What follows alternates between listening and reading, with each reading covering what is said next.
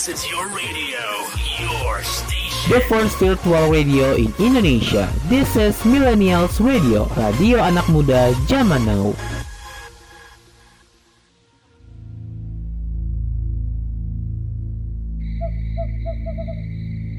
Millennials, are you ready for Get It Scary? Bersiaplah untuk memasuki waktu-waktu paling seram dengan cerita-cerita horor menarik cuma di Horror Night. Assalamualaikum warahmatullahi wabarakatuh Millennials. Selamat datang di podcast Horror Night. Bareng aku Lutfi Hidayah Dan di sini aku tidak sendirian. Ada rekan aku. Halo Millennials, aku Anika Rahma. Bener banget, di podcast Horror Night, a part of Millennials Radio, aku dan Lutfi akan menemani kamu Millennials yang Artinya bisa kamu dengerin di berbagai platform podcast ternama seperti Anchor, Spotify, Riso, Noise, Roof, dan RCTI+. Oh ya, serta di playlist 24 jam nonstop Caranya gampang banget, bisa kamu dengerin dengan klik link di bio Instagram at Millennials Radio. Dan tentunya akan ada video podcastnya yang tayang di channel YouTube dan videonya Millennials Radio. Yang juga bisa kamu tonton di fitur Radio Plus di aplikasi RCTI Plus. So, jangan lupa di follow podcastnya dan di subscribe, like, komen, dan share. FYI aja buat millennials kalau nantinya podcast Horror Night ini bisa kamu dengerin setiap malam Jumat pada jam 21.00 untuk waktu Indonesia Barat karena akan tayang di seluruh Indonesia mungkin bisa menyesuaikan waktu setempat. Oke, itu dia. Dan karena ini podcast pertama kita, enaknya kita perkenalan dulu. Kalau kata pepatah, tak kenal maka tak sayang. Jadi, aku Andika Rahma, asal aku dari Banjarmasin. Siapa tahu ada millennials yang dari tempatnya sama.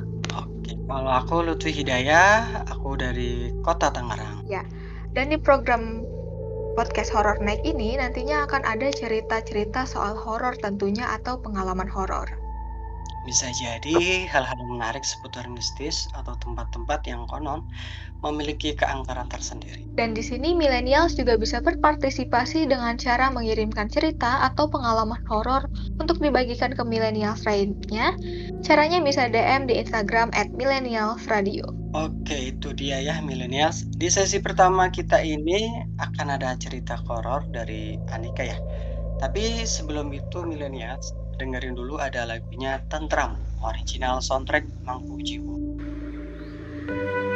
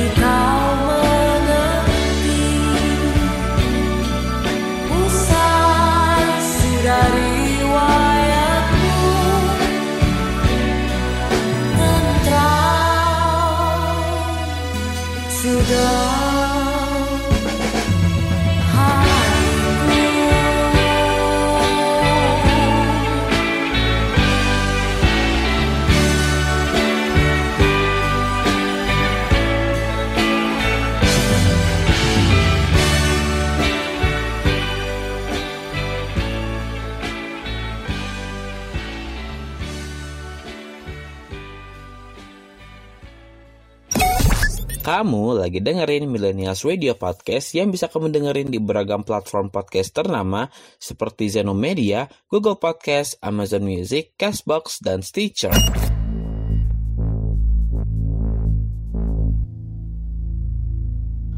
Aku Anika dari Banjarmasin yang lagi nemenin kamu di program Horror Night. Millennials Radio, the first virtual radio in Indonesia. Radio anak muda zaman now. Halo millennials, gimana nih hari Kamisnya? Sudah ada yang menanti dengan senyuman manis atau senyuman mistis nih?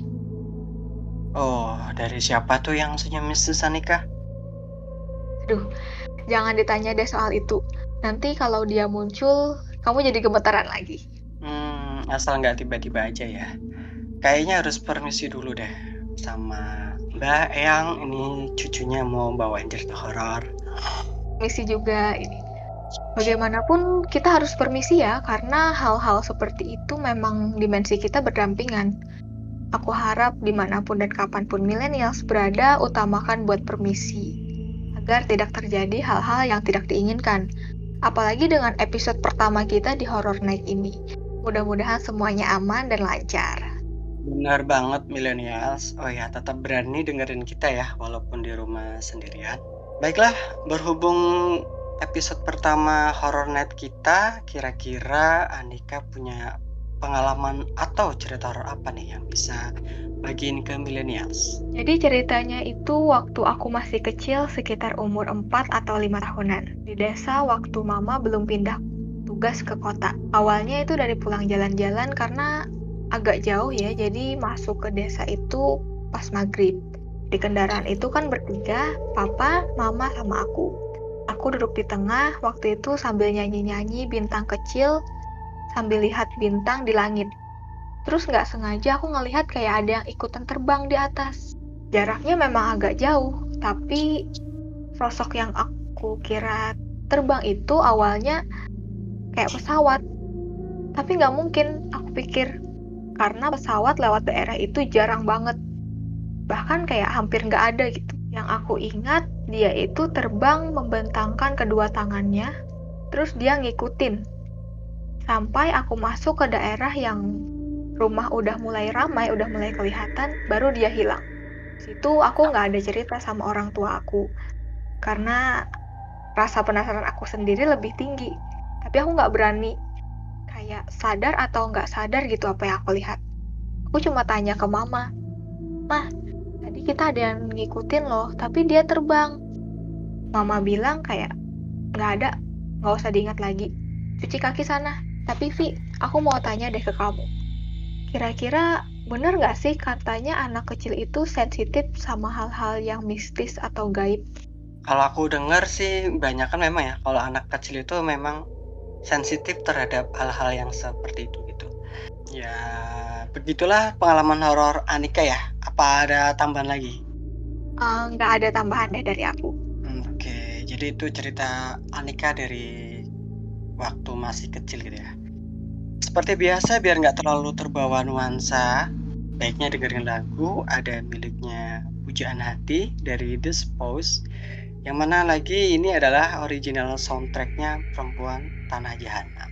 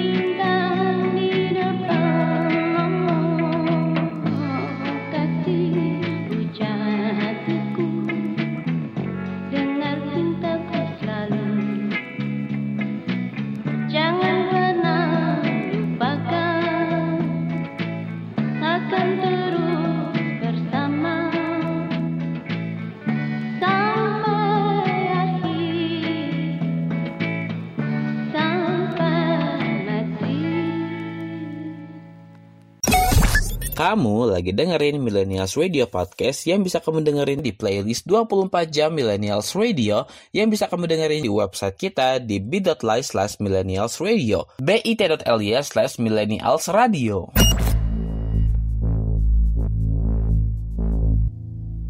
Ada aku, Lutfi Hidayah dari Kota Tangerang juga akan nemenin kamu di Horror Night.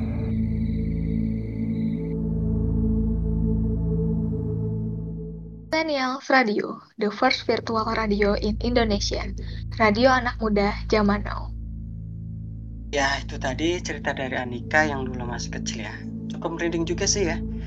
Mungkin pesannya jangan keluar waktu maghrib atau petang ya. Karena kalau kata orang dulu sih pamali gitu. Ya benar Pak Mali ya. Uh, aku mau dengar dong cerita dari Lutfi gimana tentang pengalaman horornya. Oke, ada-ada sih. Eh, seperti Anika ya, ini waktu aku kecil. Boleh tuh diceritain ke para millennials juga.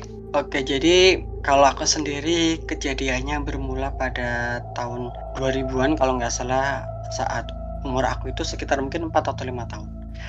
Aku masih tinggal di daerah Jawa bersama orang tua dan nenek sebelum akhirnya aku pindah ke Tangerang ya. Kebetulan rumah orang tua di perkampungannya agak pedalaman, jadi struktur dan bentuk bangunan rumahnya itu bisa dikatakan masih kayak zaman dulu. Jadi bentuknya separuh tembok dinding, separuhnya lagi anyaman bambu atau perpaduan kayu.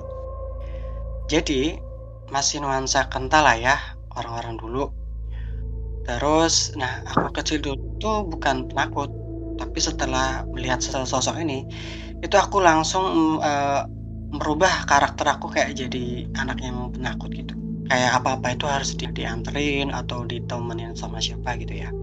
Nah, dalam bertemunya sosok ini, suatu ketika aku tidur dan bangun pada dini hari, boleh dibilang antara jam 1 atau, jam 2 gitu ya.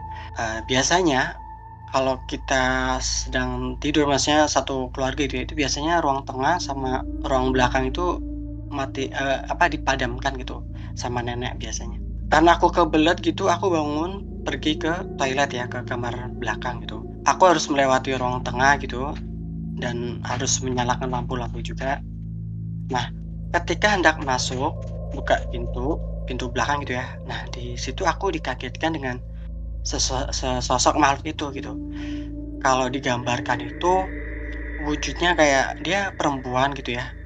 Bajunya putih, rambutnya panjang. Tapi posisi dia itu berarti membelakangi aku.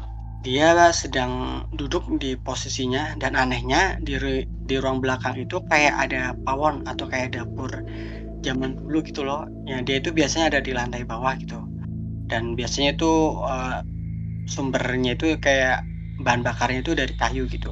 Eh, anehnya kenapa tiba-tiba pawonnya itu ada di situ? Padahal ibuku atau nenekku itu punya kompor sendiri gitu loh. Dan ada sih pawon, tapi itu di belakang rumah dan itu bukan satu rumah gitu. Dan si sosok itu seolah-olah itu sedang memasak di pawon itu. Kan kalau masak di pawon kan harus ditungguin ya sambil masukin kayu bakar atau niupin api kalau padam. Nah, dari situ aku langsung kayak langsung tutup pintu dan kabur ke pintu ke kamar gitu loh yang tadinya mau pipis gitu ya buang air kecil akhirnya aku urungkan dan pergi balik lagi ke kamar gitu kalau ditanya sosok apa ya aku bilang itu Mbak Kunti ya tapi bersyukurnya aku nggak ngeliat dari sisi depan atau wajahnya sih orang soalnya apa ya dengan dilihat dari sisi belakang aja udah kayak kayak takut kayak gemeteran gitu loh dan sampai sekarang kayak masih kebayang-bayang itu Ya. Anika Jadi Lutfi ini kecil-kecil sudah bertemu dengan Mbak Kunti. Ah, ini sih lebih merinding ya. Ya gitu deh Oke, jadi seperti biasa kita jeda dulu dengerin lagunya Utopia yang judulnya Antara Ada dan Tiada. Janganku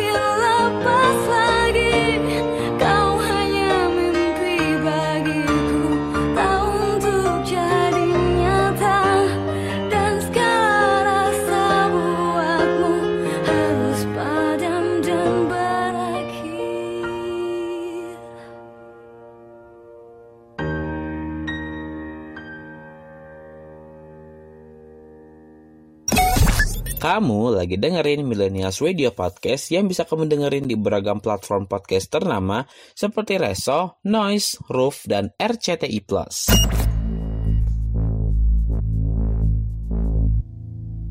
Ada aku, Lutfi Hidayah dari Kota Tangerang juga akan nemenin kamu di Horror Night.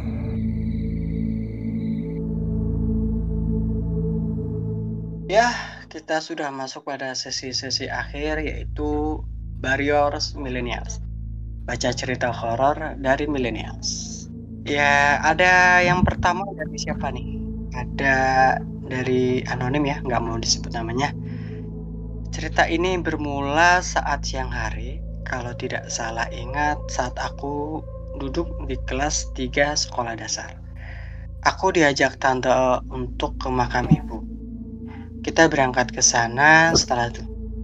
Saat berdoa di makam, aku melihat ada sosok perempuan pakai dress putih.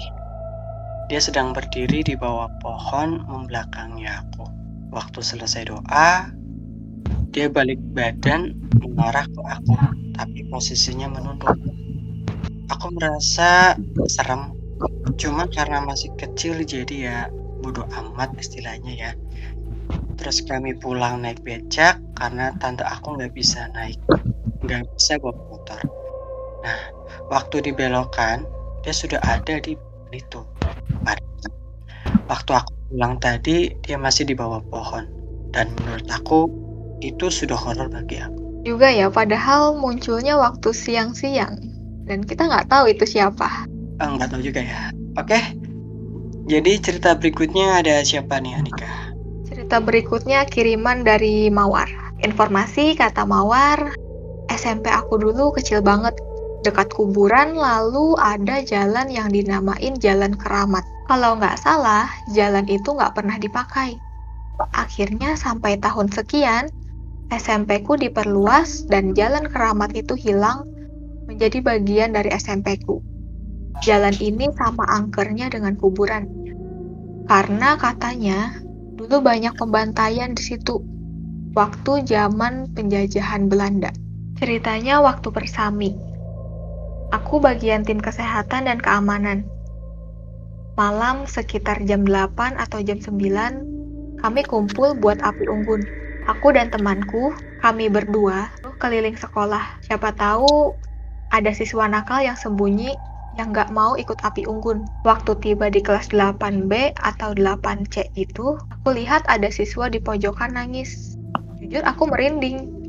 Karena waktu lihat itu, aku udah bisa pakai otak buat mikir yang lain-lain. Aku dan temanku takut sebenarnya, tapi apa boleh buat dia juga pakai seragam pramuka dan kelihatannya baik-baik aja. Aku samperin dia. Tiba-tiba tangisan dia berhenti. Posisinya dia itu jongkok terus menyembunyikan wajahnya di lutut. Aku tanya dia, kenapa kamu gak ikut ke depan buat api unggun? Dia cuma jawab, aku takut kak. Sudah, aku ajak ngobrol dulu bareng temanku. Biar si anak ini tenang dan akhirnya dia nurut mau ke depan. Aku sempat lihat name tertulis nama Reno atau Rezo gitu. Aku nggak terlalu ingat. Dia termasuk kelompok elang dan setelah kami antar ke depan, kami langsung lanjut keliling dan untungnya keadaan sekolah aman-aman aja. Selesai acara api unggun, aku nyari anak yang tadi di kelompoknya. Takutnya dia ada apa-apa. Waktu aku tanya ke teman kelompok elang, mereka bilang nggak ada satupun yang namanya Reno atau Rezo. Aku cek data buat mastiin kalau memang benar. Nggak ada. Di data itu nggak ada sama sekali siswa yang namanya Reno atau Rezo. Aku panik sekaligus aku takut. Akhirnya aku ngomong ke panitia lain. Dan bener aja, dari seluruh siswa nggak ada yang namanya Reno atau Rezo. Aku dan temanku makin panik dan takut. Akhirnya kejadian itu kami laporkan ke pembina buat memastikan lagi. Si pembina langsung ngomong tentang si Reno atau Rezo ini. Dia memang suka usil atau suka ganggu, alias dia bukan manusia. Ternyata jalan keramat itu di bawahnya juga kuburan yang sekarang menjadi bagian bawah dari SMP ku. Dari tahun ke tahun, si Reno atau Rezo ini pasti ada kalau sekolah mengadakan acara sampai malam. Dan besoknya, aku dan temanku demam tinggi. Sebenarnya dari wajah gak ada yang aneh. Cuma memang pucat aja. Ditanya juga dia ngangguk atau geleng-geleng. Awalnya aku kira dia pucat karena kedinginan, karena saat itu baru selesai hujan. Aku masih ingat ciri-cirinya, rambutnya hitam bergelombang, dia cukup tampan, tapi sayangnya bukan manusia. Semenjak itu, kalau ada acara lagi, aku nggak mau lagi jadi bagian tim kesehatan atau keamanan. Cerita yang cukup merinding ya. Wah, merinding benar. Ah, Aduh, sayang banget padahal cerita tadi tuh menandakan bahwa waktu perjumpaan kita hampir selesai. padahal masih ingin berbagi ya dengan millennials.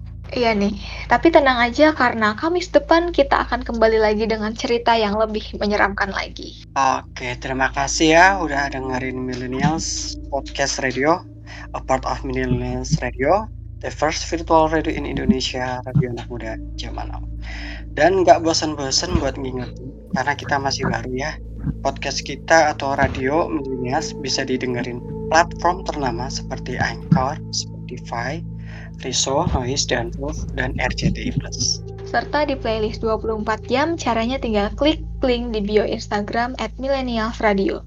Selain itu, akan ada video podcastnya yang tayang di channel YouTube dan videonya Millennials Radio. Dan bisa kamu temukan juga di fitur Video Plus di aplikasi RCTI Plus. So, jangan lupa subscribe, like, komen, dan share.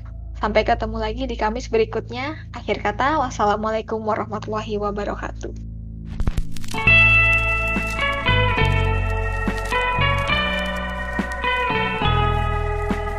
Di kesunyian malam ini ku datang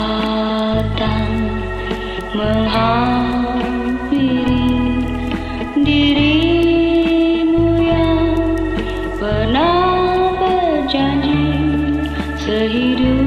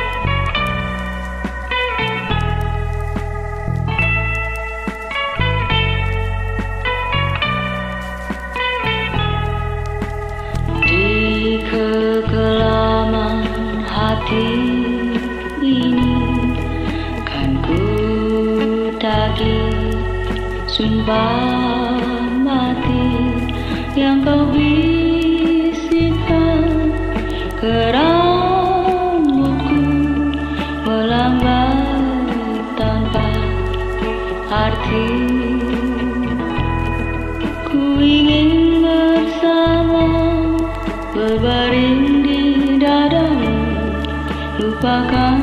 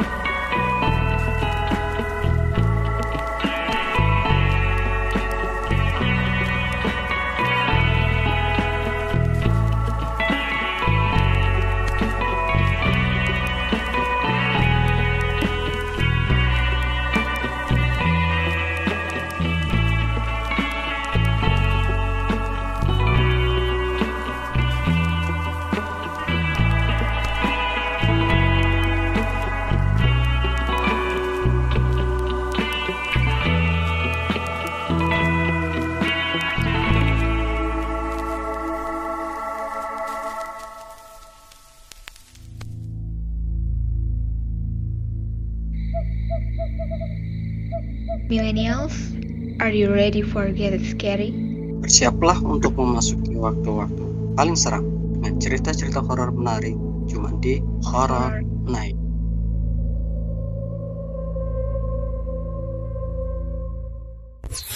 This is your radio, your station. The first virtual radio in Indonesia. This is Millennials Radio, radio anak muda zaman now.